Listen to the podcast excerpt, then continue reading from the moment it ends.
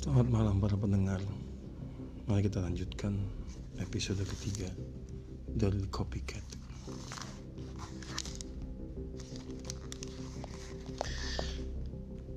Kerjamu bagus, Helen. Aku ngerti kalau berkali tidak ada hadapannya dibandingkan dengan muncul di acara talk show Oprah. Tapi dengan senang hati kami akan menerimamu kembali ke sini kapan aja.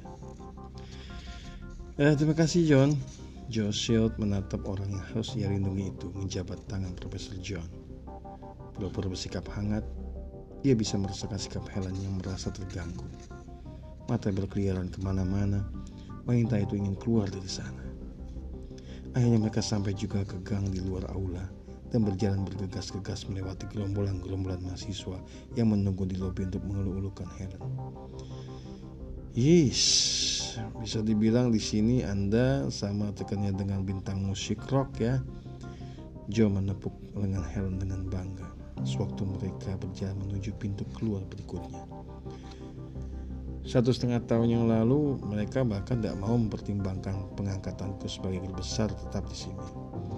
Hanya dengan peluncuran satu buku yang mencetak angka penjualan tertinggi dan pemunculan beberapa talk show, mereka langsung mau mengangkatku jadi pimpinan departemen. Joe, uh, aku perlu kamar mandi. Mereka berjalan ke salah satu sudut gedung dan di sebuah ruangan kecil terdapat toilet untuk wanita. Helen berjalan ke arah pintu kamar kecil, tapi sejurus kemudian tampak ragu-ragu. Joe berjalan maju dan mengetuk pintu. Ada orang di dalam? Tidak ada jawaban. Lalu laki itu masuk dan memandang berkeliling. Kamar mandi itu berukuran besar, sangat bersih dan putih bersih. Baru dan bergaya modern seperti auditorium berteknologi tinggi tempat Helen memberikan kuliah barusan. Kaca-kaca berbentuk bata yang mahal harganya berjejer di atas meja, wastafel. Di bawah cermin yang memanjang sepanjang dinding di depan bilik-bilik toilet. Joe membuka pintu lemari penyimpanan sapu dan hanya menemukan tangkai-tangkai sapu kotor.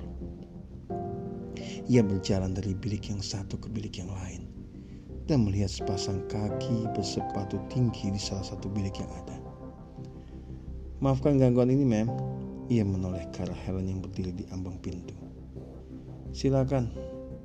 Dengan perasaan agak malu-malu karena tugas rutinnya itu, Joe berjalan melewati Helen dan keluar melalui pintu sementara Helen berjalan masuk dan melangkah ke bilik yang pertama.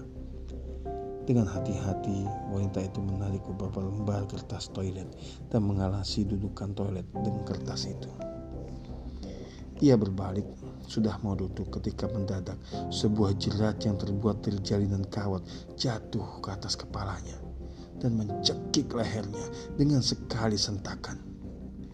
Hela mencengkeram lehernya dan berusaha menahan jeratan kaut itu dengan menyelipkan tangannya ke balik kawat yang berputar. Ia megap-megap, tidak kuasa berteriak. Kakinya menendang-nendang pintu besi biliknya dengan kencang. Di gang depan kamar kecil Officer Shield langsung bereaksi begitu mendengar keributan itu dan menjengukkan kepalanya di ambang pintu. Dr. Hudson, semuanya beres? Lelaki itu melangkah masuk ke kamar kecil sambil mencabut senjatanya dan mengarahkannya ke arah wastafel.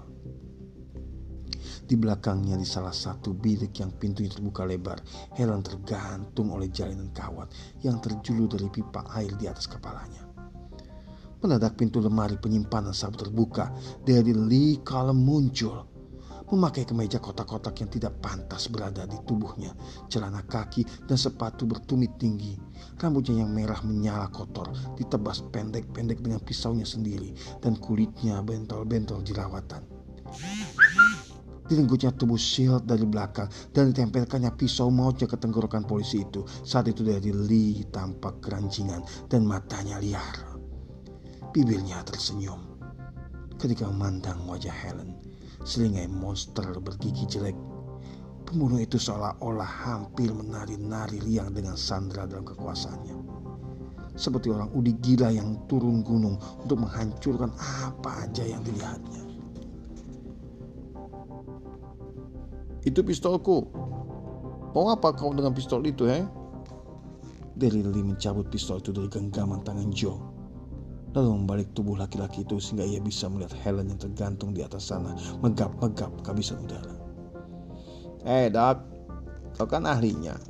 Apa yang akan kau dilakukan keajingan gila seperti aku dalam situasi seperti ini? Ku gorok orang ini atau ku tembak aja? Bagaimana, Dok? Atau mungkin dua-duanya? Sambil berkata begitu, Daddy Lee menggorok leher Josil dengan pisaunya yang tajam, menggoreskan garis tipis merah di leher korbannya.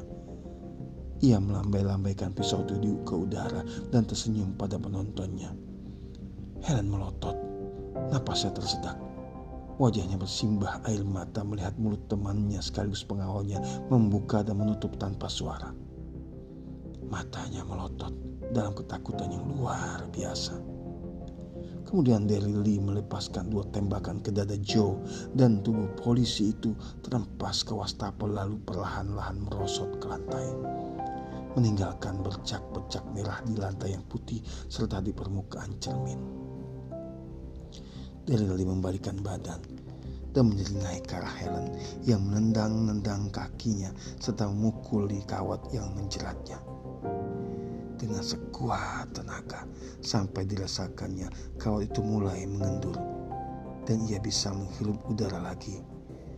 Helen menjerit dan menjerit terus sampai kehilangan kesadarannya.